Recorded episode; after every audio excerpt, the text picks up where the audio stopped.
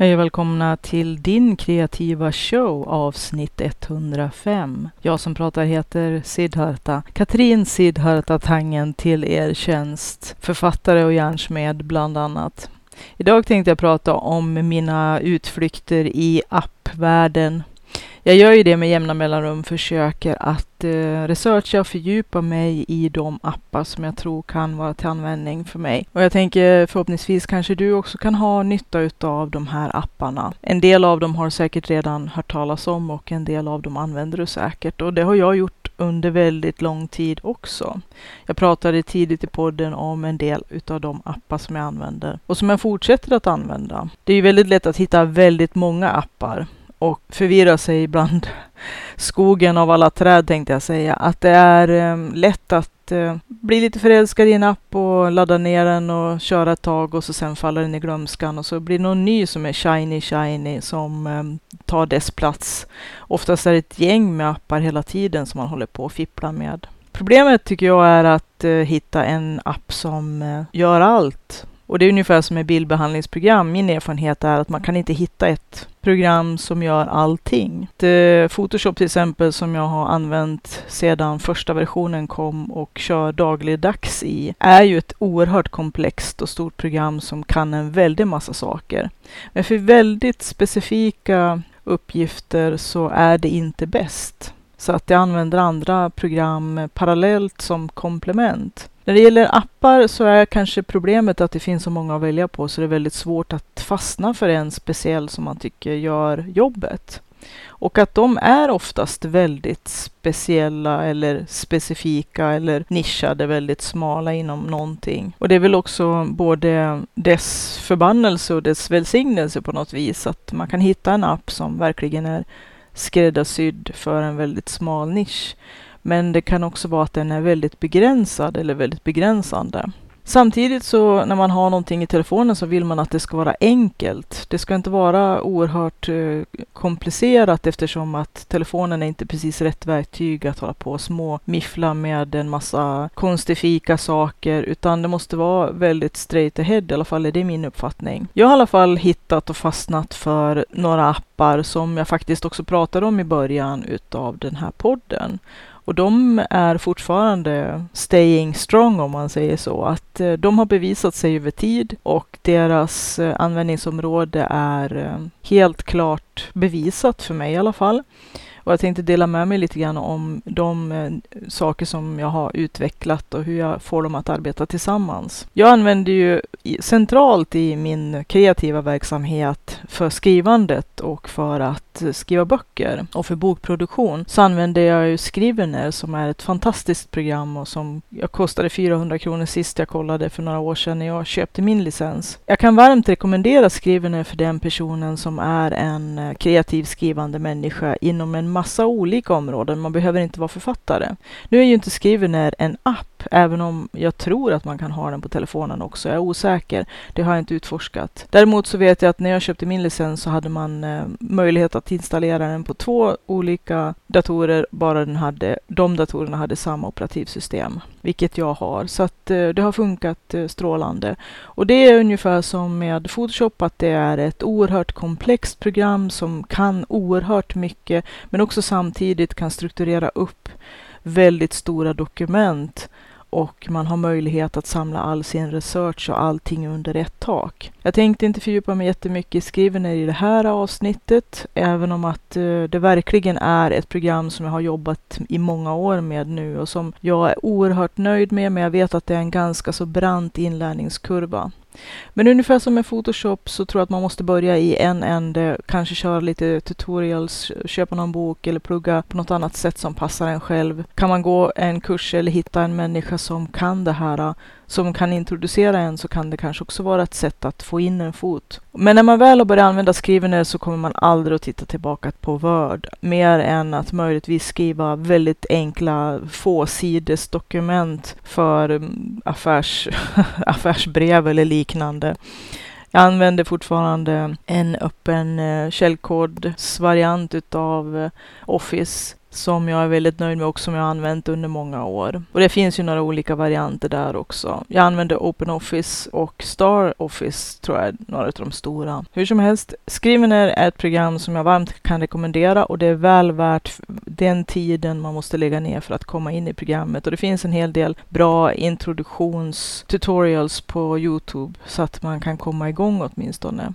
Det är väl lätt att bli avskräckt av de här äh, lite mer komplexa programmen för att man känner det som att man blir stressad av att det tar sån tid att lära sig. Men jag tror att där har man också en väldigt, ett väldigt typiskt exempel på att bygga stora mentala hinder för någonting och därför göra det omöjligt för sig själv.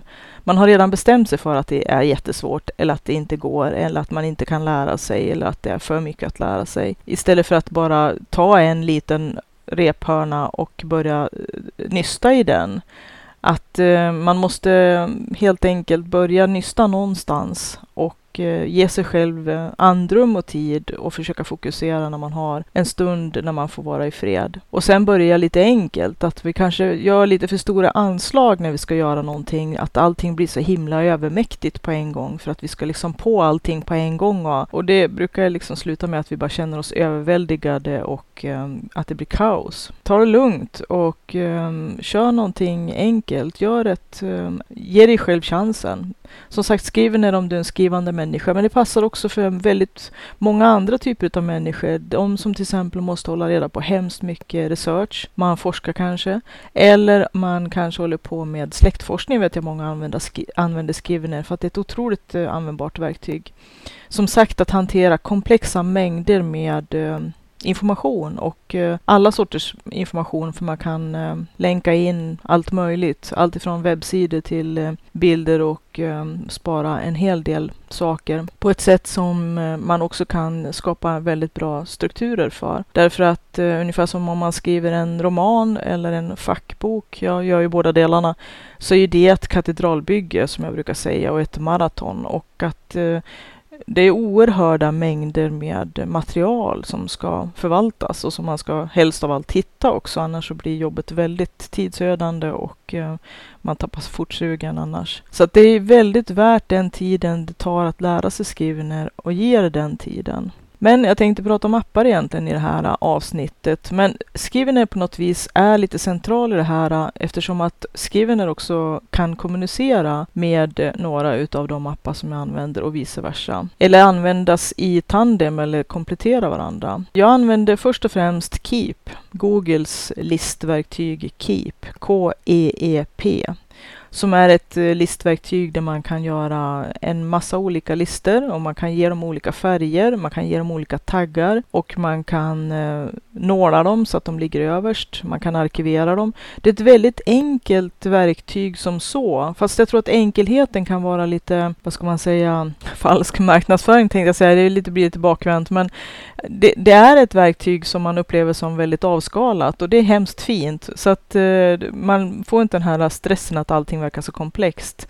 Däremot så är det mera muskler bakom kulisserna än vad man kan tro eftersom att det är lätt att eh, tro att saker och ting som verkar avskalat är simpla bara för att de är enkla. Men när det gäller Keep så är det väldigt väl avpassade eh, funktioner. Och jag tycker också att det är så bra för att jag kan eh, skicka listor med jämna mellanrum från Keep till ett annat program som är centralt i den här lilla samlingen som jag hela tiden återkommer till och det är eh, Evernote. Samma sak där, att kanske man kan tycka att Evernote är ett uh, jättejobbigt, uh, jättejobbigt att lära sig.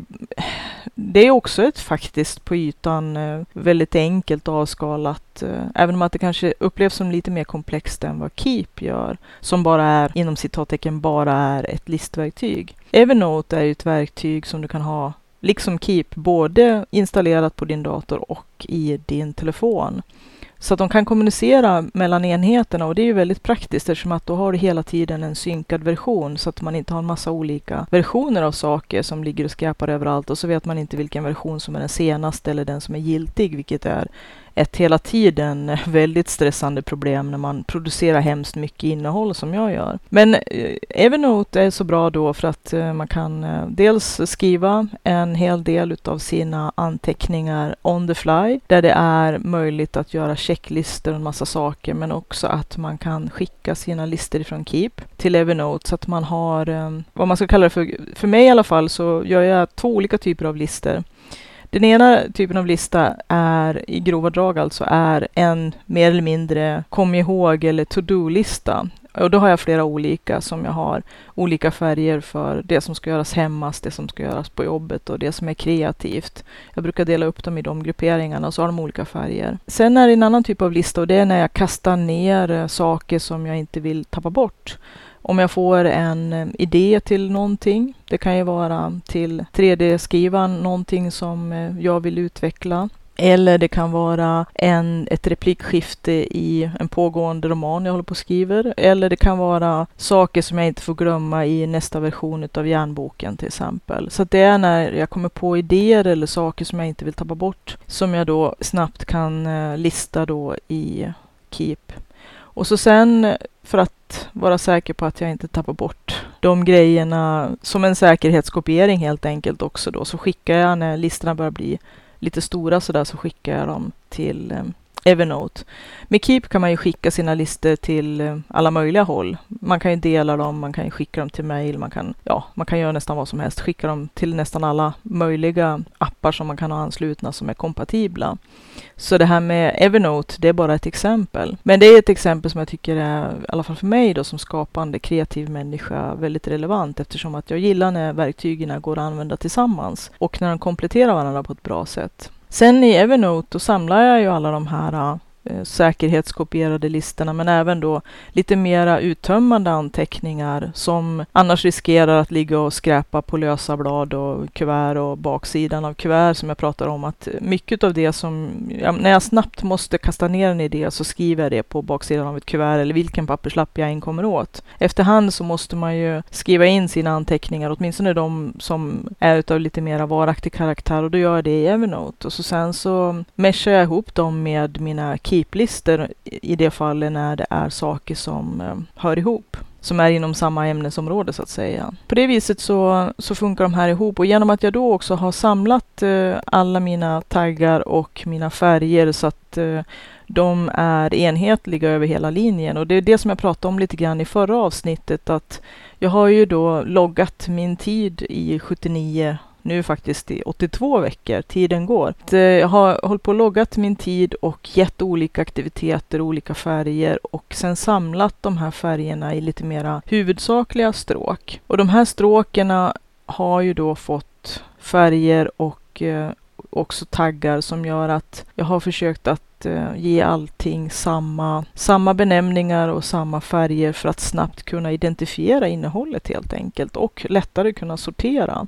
Det jag just nu håller på väldigt intensivt med det är i princip en sån här major, jättestor defragmentering utav precis allting. Och det låter ju extremt eh, överväldigande och det är det också på sätt och vis.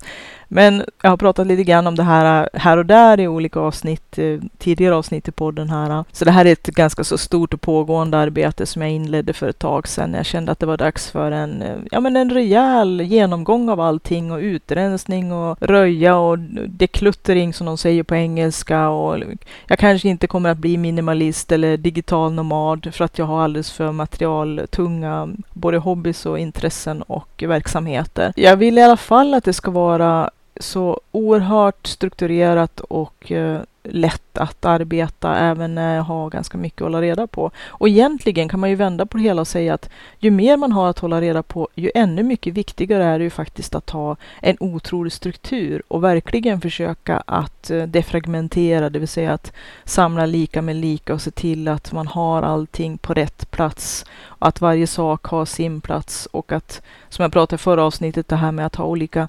centra eller olika plattformar för olika typer av verksamheter. Att man har vid dörren en, en väldigt viktig sådan central eller center där man har alla prylar som är lämpliga att samla för att inte springa som en yr höna varenda morgon och kväll när man ska försöka göra sig färdig. Att man har plånbok, nycklar, alla viktiga saker, telefon, laddare, kuvert och saker som ska postas och saker som ska med till jobbet och mat. Ja, allt vad det kan vara för någonting.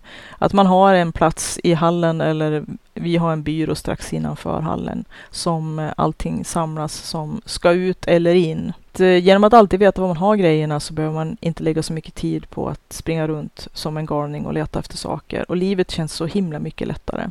Men det här är ju i det lilla och ganska självklara, just det här med att ta plånboken och nycklarna och telefonen och laddarna och det här som man behöver ha med sig till och jobbet och in och ut genom dörren och sådär. Utan om man tänker i hela hushållet och i hela ens verksamhet, det är väl liksom där jag är nu. Och eh, det är rätt mycket att eh, rodda igenom. Jag menar bara att göra en rejäl insats på garderobsfronten kan ju vara ganska överväldigande, bara det lilla utsnittet. Och eh, tittar man sen kanske på alla sina köksutensilier, alla sina kökssaker, så kan ju det vara ganska så också överväldigande. Att varje sån här zon i vårt hushåll, ta städskrubben eller skrotrummet eller mm, hobbyrummet eller mm, källaren eller garaget eller vinden. Men det behöver inte vara de här ställena där vi, där vi lagrar saker utan det kan ju faktiskt vara våra aktiva utrymmen där vi ska leva och, och verka också som kan vara väldigt svåråldrade Eftersom att vi har samlat för mycket och att vi har varit för dåliga på att hålla efter och till slut är det kaos överallt. Att vi liksom Mestadels av tiden använder vi för att leta efter saker eller bli frustrerade och förbannade för att vi inte hittar någonting som vi vet att vi har någonstans. Jag tänker att eh, livet blir mycket lättare om man kan strukturera upp grejer och det är väl där jag är någonstans. Men att eh, det kommer ju att ta tid och eh, jag har koncentrerat mina insatser på ett problemområde i taget för att eh, det inte ska bli ännu mera kaos. För ofta blir det ju så när man försöker skapa ordning på ett ställe så blir det väldigt eh, rörigt under tiden man gör det det verkar som att i alla fall när man håller på med sånt här typ av arbete så blir det alltid lite värre innan det blir bättre. Men att eh, om man tar för stora tag och försöker göra allting på en gång eller för mycket på en gång så brukar det bli att först blir det värre men man kommer aldrig till den här biten när det blir bättre eftersom att då har man redan blivit så utmattad och så stressad och frustrerad att man liksom ger upp. Så därför så försöker jag göra mindre insatser och eh, begränsar mängden oreda och kaos som det skapar för att eh, orka gå igenom hela projektet. Att det här är ju också lite grann som att göra sprint som jag pratade om i förra och för förra avsnittet. Att istället, jag kör ju egentligen långsiktigt så är ju det här en ganska ett stort projekt som är indelat i lite kampanjer. Att jag satsar mina insatser på ett område i taget. Så att det kan vara, om vi ska ta ett exempel, att man går igenom allt man har i badrummet till exempel. Eller um, alla sina mm, mediciner och vitaminer och alla sådana här äh, för, första hjälpen-grejer och sånt där som också är sånt där som kan ligga och skräpa i något hörn och mycket av det kanske är gammalt och man vet inte ens vad det är. Och, ja, att det blir väldigt, efter ett tag så blir sådana här områden sådana här ställen som bara ligger och eh, gror igen på något vis. För att kanske det är så också med de ställen som vi sällan... Ehm, nu är det ju kanske olika hur vad man lever för liv och vad man är för personer och vad man har för familj och sådär. Men att eh, en del områden kan ju ligga mest bara och vara on standby så att säga. Att det är väldigt bra att ha en låda med första hjälpen-grejer och prylar. Och det är väldigt bra att ha en del saker som när det behövs. Eh, behöver man ha vätskeersättning när någon får feber och lite sådana saker så det är bra att ha. Men att de här lådorna med bra ha-grejerna, de kan ju stå ganska länge utan att någon bryr sig om dem och efter ett tag så blir de ju ganska hopplösa. Och den dagen när man väl behöver någonting så det är utgånget eller gammalt eller dåligt eller inte rätt grejer eller man trodde att man hade något som inte fanns där eller så hade man råkat köpt en massa utav samma sort. Man har noll koll helt enkelt.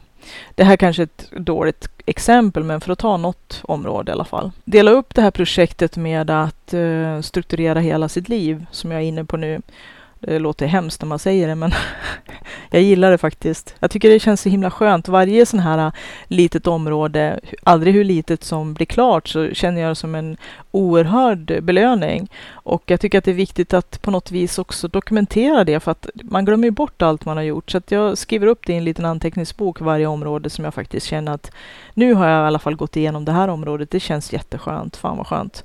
Nu är det här klart liksom. Nu kan jag andas ut. Men att inte stressa upp mig över allt som äh, jag vet också fortfarande är kvar att göra, utan faktiskt glädjas åt, nu har jag gjort, ja låt oss säga medicinskåpet vad duktig jag är. Jag liksom klappar mig själv och tycker att eh, det känns så himla skönt. Nu vet jag att jag har koll på medicinskåpet. Liksom.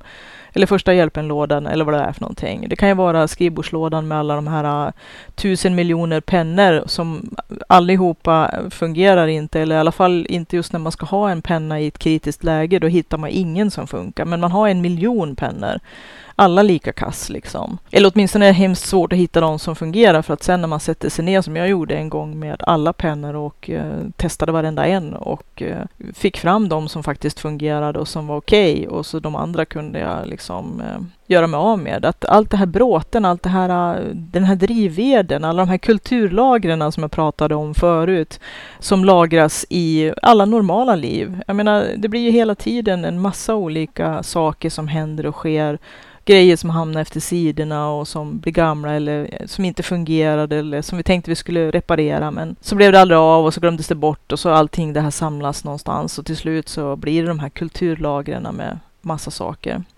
Man kan ju hitta skatter där också som man eh, kommer ihåg att man har men som man inte visste.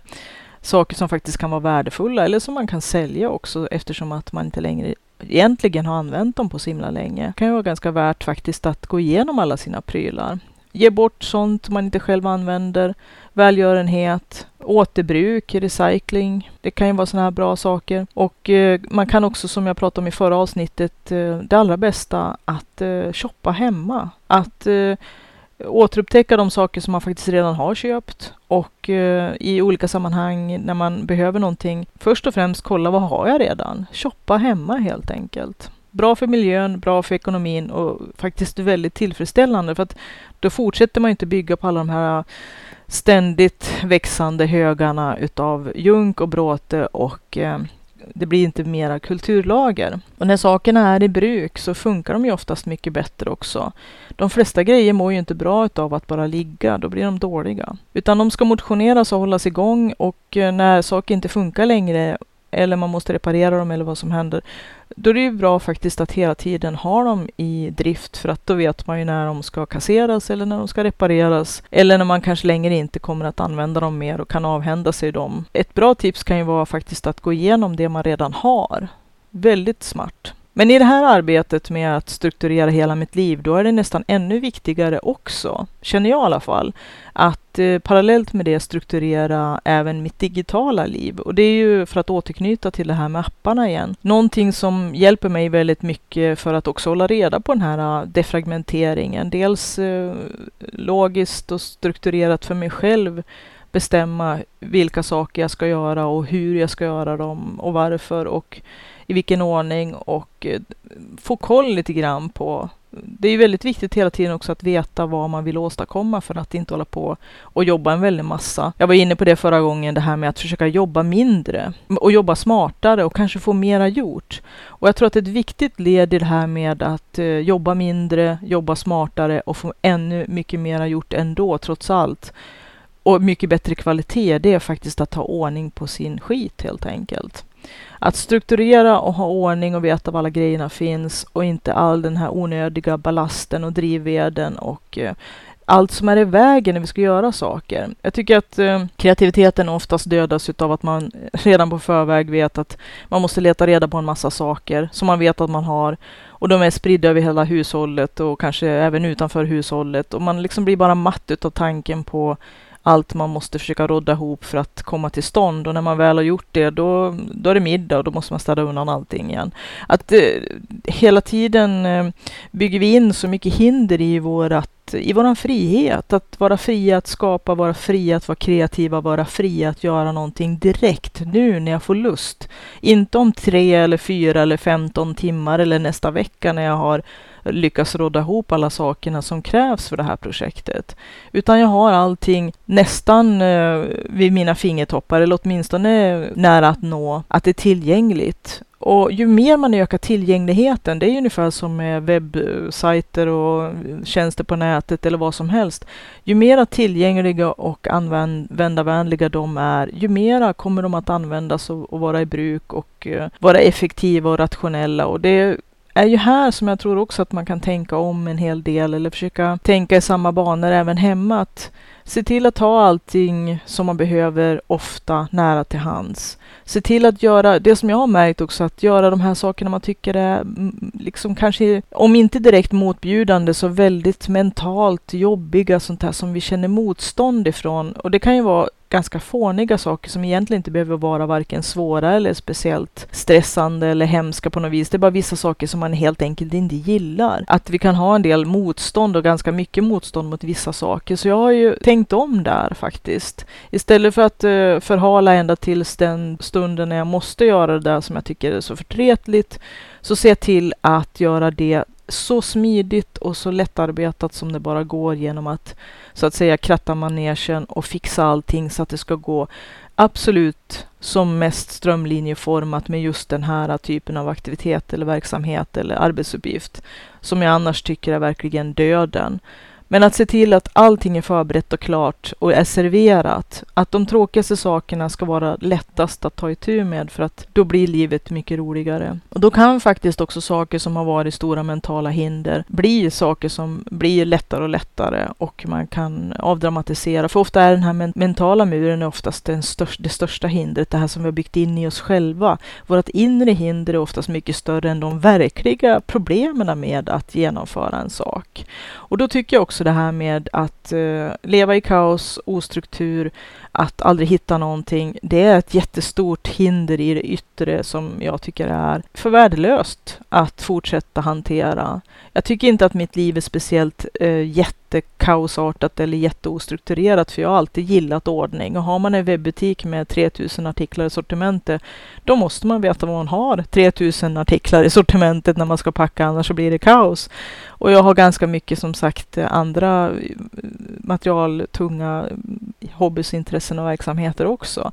Att man måste veta var man har grejerna. Men det blir mycket grejer att hålla reda på och där kommer man in i också ännu mer angeläget i att eh, ha så bästa möjliga ordning man kan. Att inte ha en massa onödigt bjäfs som ligger och tar plats och är i vägen. Och att eh, det är en väldig tillfredsställelse att veta exakt överallt var grejerna man vill ha finns och att de är nära till hands. Att de är lätta att använda, lättillgängliga, trevliga att använda. Man måste inte hålla på och rodda fram dem, leta dem, bli frustrerad över att de inte är riktigt up to date eller att de inte fungerar så bra för att vi har inte skött dem och sådär. Utan se till att strömlinjeforma allting så att det ska gå så smooth som det bara går och att det ska bli en fröjd att jobba helt enkelt. Och även om vissa saker aldrig kanske blir en riktig fröjd att göra så kan man i alla fall göra det så mycket trevligare. I alla fall bra mycket trevligare än vad det är idag när det är ett stort mentalt hinder och vi bara känner väldigt, väldigt utmattning bara på tanken att göra en viss sak. Det beror ju också på att det oftast är sådana saker som vi vet är väldigt knöliga och struliga och tilltufsade och strukturerade och att vi måste leta och bli frustrerade och förbannade. Gör det enkelt. Att göra det enkelt för sig själv tror jag är det allra bästa man kan göra för att må bra, men också som en investering i framtiden. Att jobba progressivt, som jag pratade om i tidigare avsnitt här.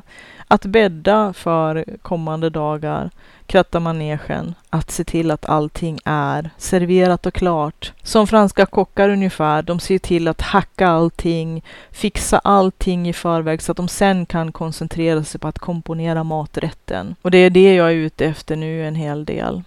Men de här äh, apparna har jag använt och de har äh, varit också till stor hjälp. Också ett led i att strukturera både den fysiska verkligheten, att ha koll på de olika stegen för att det kan som sagt bli väldigt överväldigande om man inte hela tiden spjälkar ner i mindre och mindre delar och mindre och mindre steg. Och att också ibland bara fokusera på enkla grejer. Jag tar den här skrivbordslådan idag det är mitt enda mål. Och så gör man den och känner sig väldigt nöjd med det. Och ibland brukar det leda till att man kanske tar en till låda, bara utav farten. För att man inte har byggt in en massa stress eller press eller krav på sig själv. Utan att man känner det mer som en positiv, det här med att få tidiga vinster som jag också pratat om och att eh, fira det man har åstadkommit och känna sig nöjd och belöna sig. Men också att Eh, se till att även det här arbetet ska vara så strömlinjeformat och lätt att eh, vilja göra, att bygga in lust i det hela. Att inte göra det till sju svåra år utan försöka göra det på ett sätt så att det blir stimulerande, kul och belönande. Men i alla fall Evernote, där samlar jag listor som är lite mera och anteckningar som blir lite mera komplexa, lite mera textbaserade. Då har man lämnat lite grann list. Även om att det finns väldigt mycket bra listfunktioner också i Evernote och man kan göra fina checkbox-listor eh, och en massa saker. Men man kan samla anteckningar som hör ihop i anteckningsböcker så man får automatiskt en struktur. Och nu har jag ju då överfört samma struktur som jag har på alla ställen, både i Keep och det här systemet när jag loggar med färger att jag har samma taggar, samma färger över hela linjen och även då på hårddisken. Så att eh, jag vet hela tiden var en viss typ av material finns oavsett vilken plats i mitt digitala universum jag är. Om det är i Keep eller om det är Evernote eller om det är Scrivener eller om det är hemma rent fysiskt så har jag allting inordnat i samma struktur. Jag har försökt att förenkla det för att det är väldigt lätt att göra system och strukturer oerhört komplicerade och då är det väldigt lätt att de fallerar. Jag pratade i ett avsnitt här för inte så länge sedan om att det är viktigare att ha bra system installerade som verkligen funkar. Och för att de ska funka måste de vara avskalade, enkla och funktionabla och verkligen göra jobbet.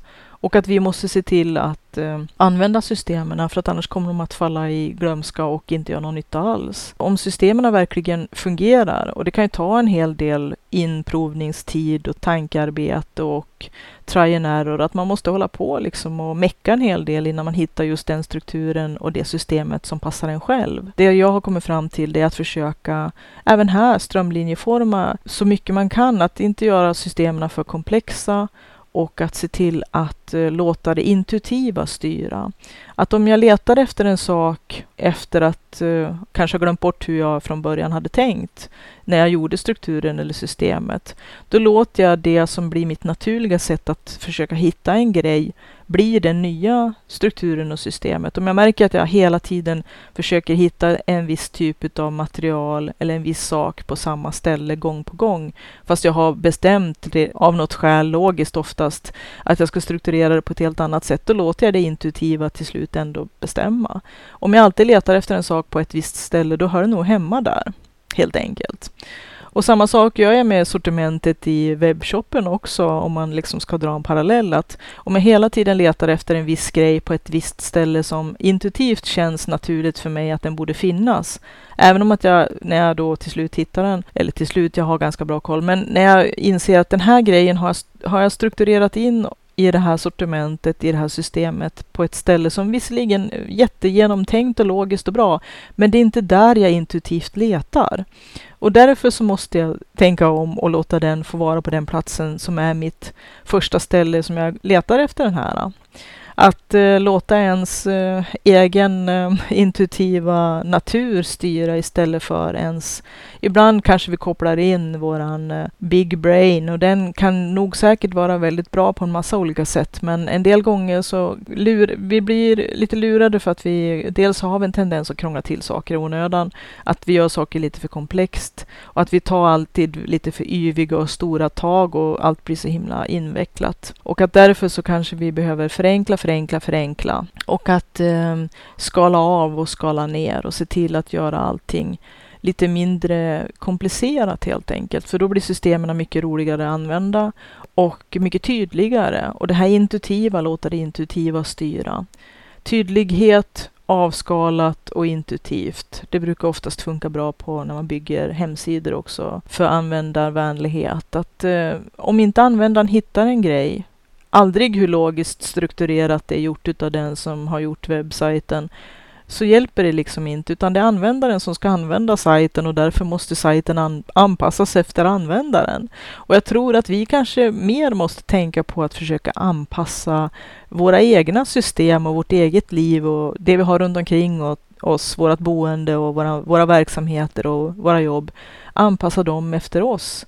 Användaranpassa dem helt enkelt, så att de ska fungera så bra som möjligt. Inte vad som ser snyggt ut i inredningsmagasin eller det som, eh, ja, vi kanske kopplar in våran big brain som ska strukturera och göra saker och ting så logiskt. Och det är ingen som fattar hur de här systemen funkar när det har gått två veckor, när vi har glömt bort hur vi tänkte.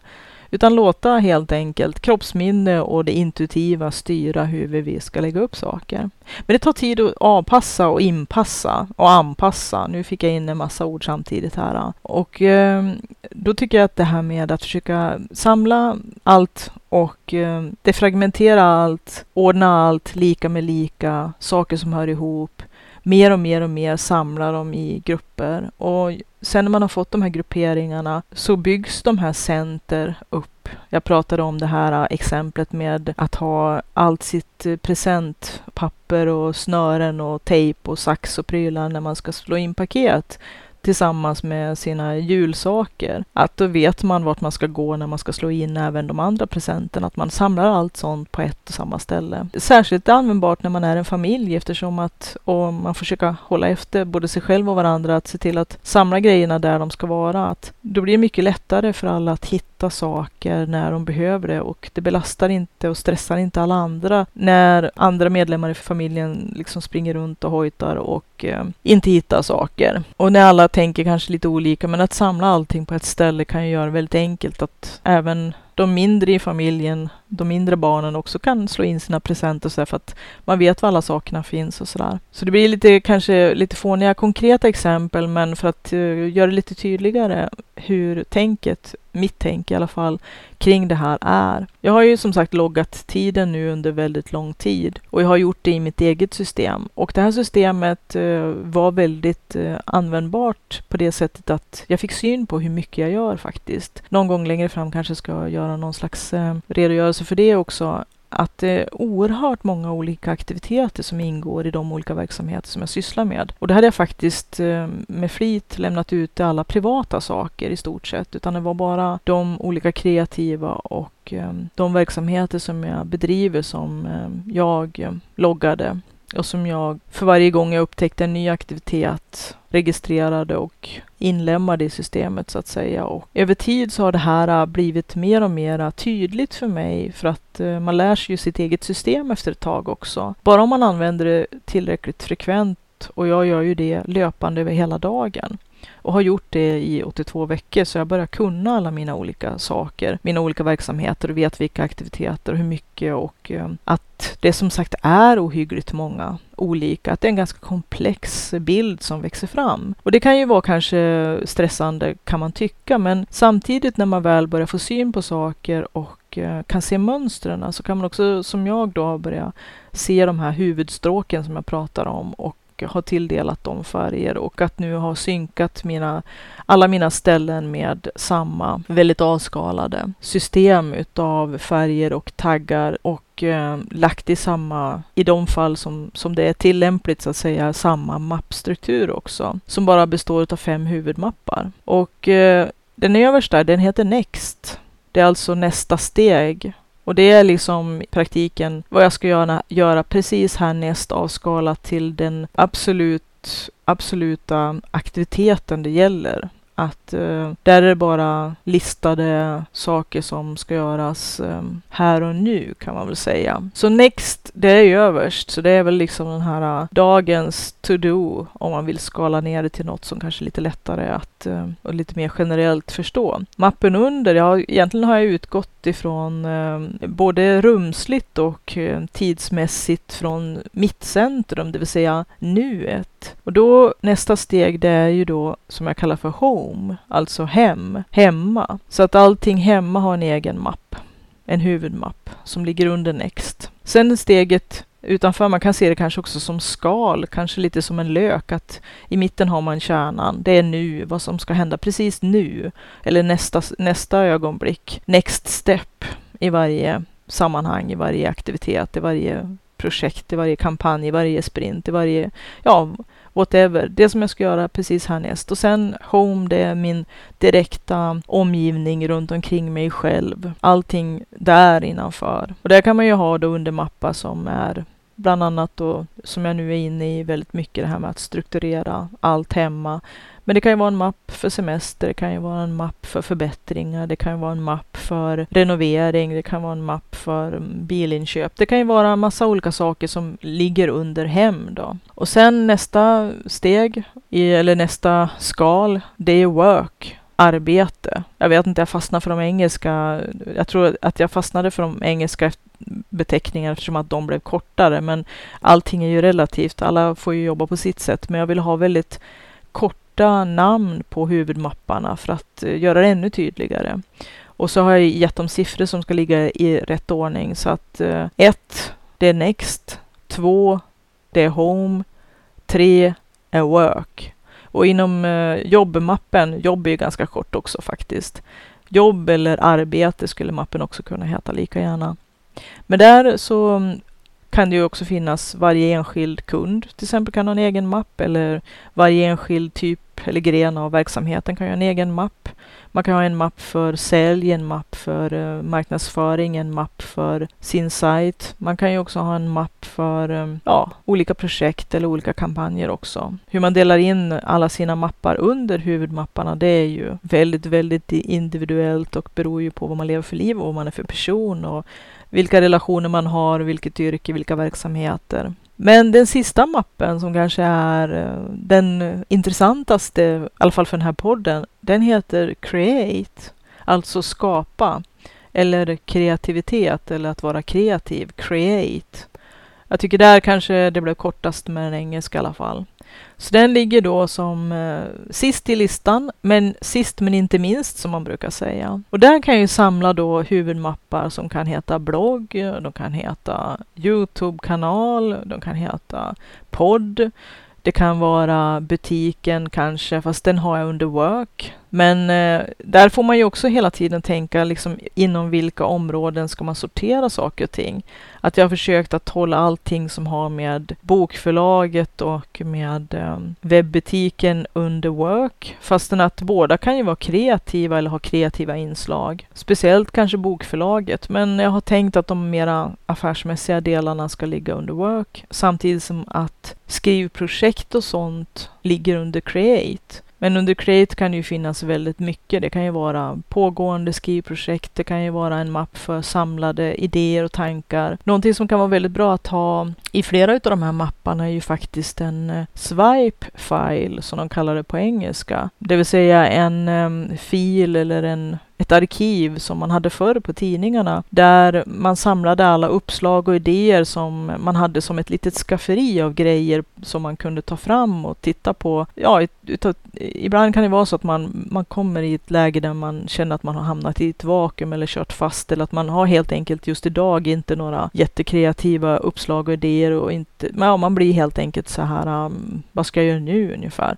Och då man kanske behöver ha en knuff i rätt riktning eller få liksom um, fylla på sin källa med lite nya uppslag och idéer. Och samtidigt också är det ju bra att spara en sån här. Jag har ju en sån här uh, idéfil där jag samlar saker för att dels inte tappa bort saker som jag har kommit på men som jag inte kan förverkliga just nu. Eller saker som jag är sugen att göra men jag vet inte om det kommer att bli av för att ja, det är mycket i livet som ska stämma och som också ska få plats och ibland så kan det vara att man får ha en liten önskelista helt enkelt i den här swipe-filen med eh, saker, uppslag, idéer, tankar och eh, små guldkorn, inspiration och lite sådana saker som kan kicka igång en när man behöver ha lite extra i tanken helt enkelt. Men eh, parallellt nu då, efter att ha loggat min tid så himmelens intensivt i ett eget system så har jag börjat överföra delar av systemet till eh, Google-kalendern här har jag ju varit så snillrik att jag faktiskt då har... Man har ju möjlighet att skapa flera kalendrar och det gör man ju oftast för att man kanske har en kalender för tidsbokningar och man kanske har en kalender som en viss kund eller klient har tillgång till där man skriver in olika möten och konferenser eller saker som man samarbetar kring. Det kan vara samarbetspartners där man delar vissa saker i en, i en dedikerad del av sin kalender. Att man delar ju inte ut hela sin kalender för det skulle inte vara så smart idé. Men att vissa speciella delar av kalendern kalendern kan man ju då dela ut. Det kan ju också vara om man har en eh, partner eller jag vet att många som samarbetar kring att de har varannan vecka, varannan helg med barn och sådär. Att föräldrarna då har en kalender som de delar för att kunna synka barnens aktiviteter fastän att man inte bor ihop längre och sådär. Det är ganska så smart. Men jag har använt eh, Google Kalenders möjlighet att skapa kalender på ett helt annat sätt genom att skapa en kalender för varje typ av huvudverksamhet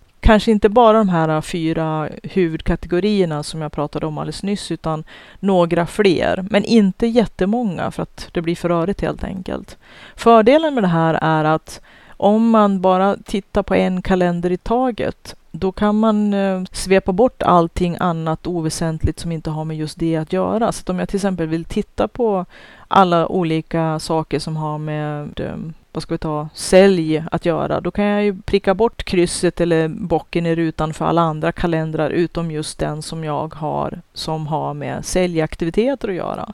Och då kan jag ju månad för månad, vecka för vecka, dag för dag, så kan jag se alla saker som eh, är markerade då med just den taggen som eh, också då jag har valt samma färger även här som jag har i mina andra system. Och jag har ju om det i förra avsnittet att då har jag valt grönt för att grönt är ju en sån här färg för pengar i, i alla fall i tecknade serier.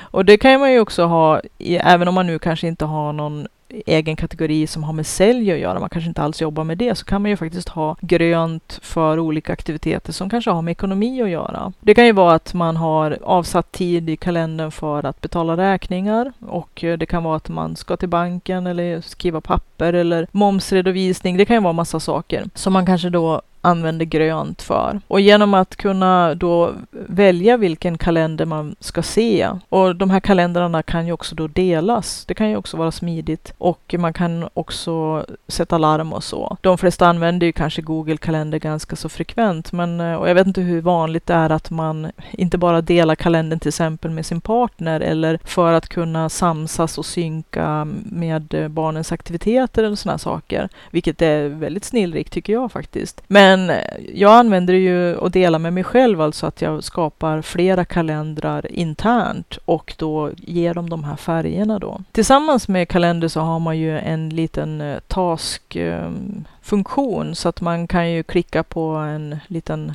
penna eller vad det är för någonting bredvid kalendern och så kan man ju då göra enkla sådana här to-do-listor som man kan fylla i uppgifter som man ska göra som kan vara ganska praktiskt. Det enda jag kan tycka är lite synd, jag har inte, än har jag inte hittat någon koppling till Keep. Det kanske finns. Nu har man ju naturligtvis både kalendern och eh, Keep i telefonen och man kan ha allt kopplat ihop med varandra på lite olika sätt som man kan anpassa individuellt. Och framförallt så gäller det nu kan det låta som att det är väldigt komplicerat det här och det är det inte, utan varje app och varje del av det här systemet, för mig i alla fall, gör olika saker som jag pratade om i början här med att Eh, även fast jag använder Photoshop som är det mest komplexa och kompetenta bildbehandlingsprogrammet ever, så finns det saker som eh, Photoshop inte är så bra på men som mera nischade och speciella program är verkligen eh, fena på som jag använder istället som komplement. Att här får man ju liksom försöka att uh, välja sina strider och uh, hitta ett system som funkar för en själv. Men en kalender, den är ju i huvudsak tänkt för saker som man måste göra på vissa dagar eller på vissa utsatta tider och man kan sätta larm i Google för att inte missa. Och det är ju väldigt snillrikt. Sen kan man ju använda då Keep för att hela tiden skriva sina listor och löpande och reda på saker som man inte vill tappa bort när man är on the fly så att säga. Jag tycker det är väldigt bra att ha ett listverktyg. Men varken kalendern eller listor eller to-do-listor eller vad man nu vill kalla det för någonting gör ju hela jobbet det är ju två helt separata saker egentligen. Att vi har en tendens att kanske gyttra ihop det här äh, att vi skriver in en massa saker i kalendern som egentligen inte hör hemma i kalendern. och att vi skriver en massa saker i en lista som inte hör hemma i en lista. Att vissa saker ska ju vara kalenderpunkter eller kalenderposter som är styrt vilken dag och vilken tid det ska göras. Och sen har man ju då to-do-listor med eh, uppräkningar av saker, helst som jag gör och sorterar upp dem i olika kategorier för att om jag gör en kampanj eller en sprint inom ett visst område, då samlar jag liknande uppgifter med varandra för att då blir jag ju mer effektiv om jag kan beta av en lista med telefonsamtal till exempel. Men då måste jag ha en lista med telefonsamtal som jag har redo och klar när jag sitter i, i beredskap att eh, ringa mitt första telefonsamtal samtal. Då ska jag inte hålla på och fundera vilka mer samtal var det jag skulle göra för att då har jag redan glömt bort allting och så blir det inte så effektivt. Utan jag hela tiden samlar den här listan med telefonsamtal eller den här listan med liknande aktiviteter som kanske ska göras på samma plats eller i samma mindset eller med samma verktyg eller ja, whatever tillsammans med varandra så att när jag väl tar just den listan då kan jag ju bara köra och vara väldigt effektiv och beta av till exempel alla ärenden på stan eller sätta mig ner och göra ja, kampanj eller sprints inom vissa områden där jag vet att nu vill jag beta av och eh, jobba undan lite grann på det här området. Det känns väldigt tillfredsställande och då är det väldigt mycket mer effektivt. Men sen har man en, en typ av lista som inte alls är egentligen en to-do-lista men som har visat sig oerhört centralt viktig och faktiskt har sparat många människoliv. Och det är checklistan. Och checklistan är inte en to-do-lista utan det är när vi har utvecklat system för enskilda aktiviteter eller, eller verksamheter. Som till exempel, vi har en checklista när vi ska göra en blästerhelg, för det är ganska mycket saker som vi ska komma ihåg då. Allt ifrån att vi, sajten ska uppdateras och affischer ska tryckas och delas ut och vilka grejer som ska packas och tas med och en massa saker. Och varför uppfinna hjulet varje gång, gång på gång? Den här packningslistan till exempel som är både ganska lång och komplex. Alltid glömmer man ju någonting och det är jättefrustrerande. Så att, att varför inte hela tiden anteckna löpande och förfina sitt system, och ha den här checklistan och ta bort och stryka grejer som visar sig inte längre aktuella och föra in saker man kommer på att man glömmer varje gång eller som är bra att ha som man har märkt att man behöver. Det är ju strålande, sparar fruktansvärt mycket tid. Men de som använder checklistor som också är mer allmänt känt och där det verkligen sparar liv, det är ju till exempel inför flygningar. Jag har ju flygit en del och det här med checklista innan man ska flyga är ju oerhört eh, vitalt och centralt. Och det ju, känns ju ganska självklart också liksom när man säger att man har en checklista för att gå igenom alla funktioner på ett flygplan. För att gör man det innan man startar, då är det ju mycket större chans att man har möjlighet att åtgärda saker som skulle vara fatalt om det skulle hända i luften att man kommer på att shit, det där funkar ju inte, det där har vi glömt eller sådär. Det, det är inte läge då. Ett annat område man kommer på att checklistor faktiskt, jag läste en sak som man hade kommit underfund med då när man införde checklistor också i, i säkerhetshänseende var under eh, kirurgiska procedurer, alltså operationer. Där man faktiskt, jag tror det finns ett TED-talk till och med, som jag ska lyssna lite mer ingående på, som handlar om en kirurg som kom underfund med det här med checklistor, att eh, checklistor är bra för sådana saker som vi väldigt lätt eh, det här är ju lite tråkigt på ett vis. Saker vi gör väldigt, väldigt ofta eller kanske inte gör väldigt ofta. Jag menar som Brästehelger gör ju inte vi så ofta, men all information och kunskap vi samlar in vid varje tillfälle när vi gör en Brästerhelg är ju smart att ta med sig till nästa gång, fastän att det är ett halvår till nästa gång, så då har vi hunnit glömt det. Checklista är jättevärdefull då. Men det kan också vara saker man gör väldigt ofta och väldigt eh, rutinmässigt. Och just när man gör saker och ting ofta och rutinmässigt är det också störst risk att av monotoni eller rutinmässig, jag vet inte, avtrubbning kanske man ska kalla det, att vi glömmer saker som är helt självklara och det är det som är det farliga. Det är som man säger när man jobbar som elektriker. Det är när man börjar bli lite säker efter några år. Det är då man börjar bli farlig eftersom att man börjar gena i kurvorna. Och att det är väldigt lätt att eh, dels ta lätt på saker som man bara tar för givet och som kanske är så avtrubbat i vardagen att man, ja, att det är väldigt lätt att eh, glimsa på saker som, som är självklara och som också faktiskt är de allra tråkigaste och, och, lite skämmigaste faktiskt att ha missat.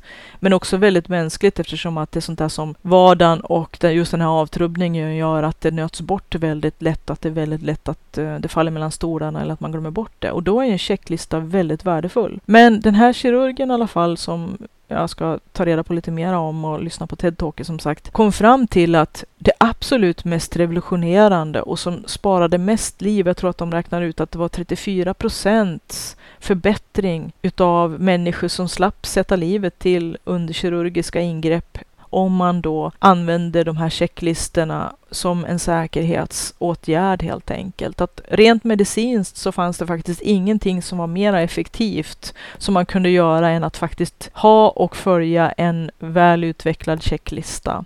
För att då förhöjdes säkerheten och Eh, proceduren blev så mycket säkrare. Och eh, checklistor är faktiskt också så otroligt bekväma och, och väldigt sköna att ha att luta sig mot. För att är det någonting som verkligen kan stressa en? Jag vet ju inför planeringen av blästerhelgerna, när det ändå är ganska hö högt uppdrivet tempo, mycket som ska göras, mycket stress utav alla de aktiviteter och saker som ska göras. Och vi har ju oftast också då på våren årsmöte innan och en massa saker. Kallelser ska skickas ut, bokföring bokföringen ska vara fixad, revisorerna ska ha gjort sitt sitt och man ska skriva ut alla årsmötespapper och protokoll och kassaberättelser och allt vad det är för någonting verksamhetsberättelse, ehm, allting. Det är ganska mycket saker. Då, det sista man behöver när man har väldigt mycket saker att göra, det är att försöka komma ihåg alla saker man har att göra. Det är någonting som kan stressa skiten ur en fullständigt och kanske också till och med vara den här sista droppen som gör att det inte blir roligt längre. Så därför, en checklista där man har samlat alla sina tidigare erfarenheter och kunskaper och finodlat och och eh, skalat ner och verkligen kommit fram till exakt alla de saker man behöver behöver och de steg man behöver vidta och de prylar man behöver packa och bara följa den här checklistan. Allting går så himla mycket smidigare och så himla mycket lättare och livet blir så mycket roligare att leva och stressnivåerna sjunker. Plus också oftast eller nästan alla gånger så blir också resultatet mycket bättre. Ungefär som med de här kirurgiska ingreppen. Att eh, om man har en checklista för proceduren, om det är, speciellt när här är väldigt stora och komplexa procedurer med väldigt mycket delar som ska samverka och som man ska hålla reda på. Och när det är kanske saker som kräver en hel del av en, Ännu viktigare med en bra checklista. Då skalar man ner inte bara stressen utan även antalet fails. Att eh, det är mycket mindre saker man glömmer och varje sak som man kommer underfund med är överflödig kan man stryka. Man kan strömlinjeforma, skala ner för att annars så kan det lätt bli att man att motsatsen till att vara illa förberedd och inte ha någonting packat eller klart eller veta någonting om vad man ska ha med sig eller vad man ska göra. Det är ju att packa precis allting utifall att. Därför att man har ingen aning om vad man kommer att behöva. Ingen av de varianterna är speciellt bra eller smart. Igen kommer vi tillbaka till det här som jag pratade om från början och i förra avsnittet. Att jobba mindre, men jobba smartare och få mycket mera gjort och få mycket bättre resultat. Här är ju ett strålande exempel på hur man kan åstadkomma bra mycket bättre resultat med mycket mindre ansträngning genom att hela tiden se till att eh, konsolidera, alltså samla och förbättra, förädla, förenkla, skala av, ta bort onödigt och föra in sånt som man har förbisett förut och få en mer och mer optimerad och optimal checklista för saker som man gör ofta eller då och då. Saker som är mer komplext eller som också som jag pratade om tidigare här, när det är vissa grejer som man drar sig för för att man tycker att det är så himla knöligt varenda gång. Har man en checklista så har man någonting att luta sig på som gör att man slipper uppfinna hjulet varenda gång. Allra helst om det är ett skittråkigt hjul som man vet att åh nej, ska jag göra det här igen? Och det är så tråkigt och det är så knöligt och det är så snärjigt och det blir alltid fel och jag blir så stressad. Då är det så himla bra att ha en lista bara pang, pang, pang, pang och bocka av. Plus att man kan bara jobba sig igenom listan utan att hålla på och tänka så himla mycket i onödan på hur jobbigt allting är. Så att min rekommendation, checklister, Skaffa skrivener om du är en kreativt skapande skrivande människa som har mycket komplext material. Keep och eh, Evernote, det är mina bästa kompisar och jag blir så himla glad när de pratar med varandra faktiskt. Och när jag kan synka systemen med varandra. Men också gäller det nu, och det som jag också förutom att jag håller på att försöka defragmentera och styra upp och strukturera, ordna allt, fast jag gör det steg för steg. En liten, liten eh, bit i taget. Men det är också det digitala livet, att försöka också att strukturera, ordna kaoset, att eh, strömlinjeforma, skala av, skala ner och få mera tydliga mönster av de här stråkarna som jag vill följa. För fördelen nu är ju att jag faktiskt också fått fokus på hur jag ska prioritera och varför. Och också väldigt tydligt för mig själv i vilka grupperingar de olika sakerna hör hemma. Mitt tänk blir väldigt mycket mera defragmenterat också. För det som jag har pratat också om i tidigare avsnitt, det här med att ordna allting runt omkring sig materiellt och att ordna sin tid och att ordna sin ekonomi, att ordna saker runt omkring sig, gör ju att man frigör ju så himla mycket arbetsminne en skalle blir ju ledig för att göra roligare saker än att hålla på och grotta med en massa sån här tjafs liksom. Så även om det är ett stort eh, anslag och väldigt mycket att göra och jag gör det på en eh, lång plan, en långsiktig plan och det kommer inte bli klart idag, inte nästa vecka och inte om en månad och inte om ett år kanske. Men det kommer bli mer och mera som blir klart och mycket lättare och mycket lättare och mer och mer avskalat och enklare och tydligare för mig att se och få syn på saker som kanske faller efter sidan. Men också att nu vet jag vilka som är mina områden att rikta in mig på och att eh, den här eh, ballasten som man har överallt mentalt, digitalt, materiellt, tidsmässigt, allt det här som stressar oss och även då kanske också ekonomiskt, gör ju att eh, den belastningen äter ju arbetsminne och gör våra skallar fullkomligt ockuperade utav en massa dynga rent ut sagt som faktiskt inte är kreativt och det är inte produktivt och det är inte effektivt. Jag vill jobba effektivare, jobba mindre, jobba smartare och få mera gjort med bättre kvalitet. Och med de orden tänkte jag avsluta den här podden. Hoppas du haft behållning av den. Och eh, hoppas du hittar dina system och ditt sätt att strukturera saker som är säkert helt skilt från mitt. Men som är funktionellt och användarvänligt för dig och gör ditt liv mycket enklare och mycket lättare att hantera och frigör mycket mera kapacitet och arbetsminne och frid, mindre stress att eh, kunna fylla på sin kreativa källa och skapa och göra saker som är roliga också. Det som är värt att leva för. Ha det gott och vi hörs igen. Titta gärna in på www.sidharta.se Z-I-D-D-H-A-R-T-A.se. Där kan du hitta till min webbshop, du kan hitta mina böcker, du kan hitta till eh, mina olika järnframställnings och smidesverksamheter eh, och eh, även en länk som heter bidra. finns kontaktuppgifter så att du kan eh, skriva ett mejl och berätta om saker du tänker på. Saker som du skulle vilja att jag pratar om i podden och eh, även berätta om ditt eget kreativa äventyr. Ha det gott och lycka till!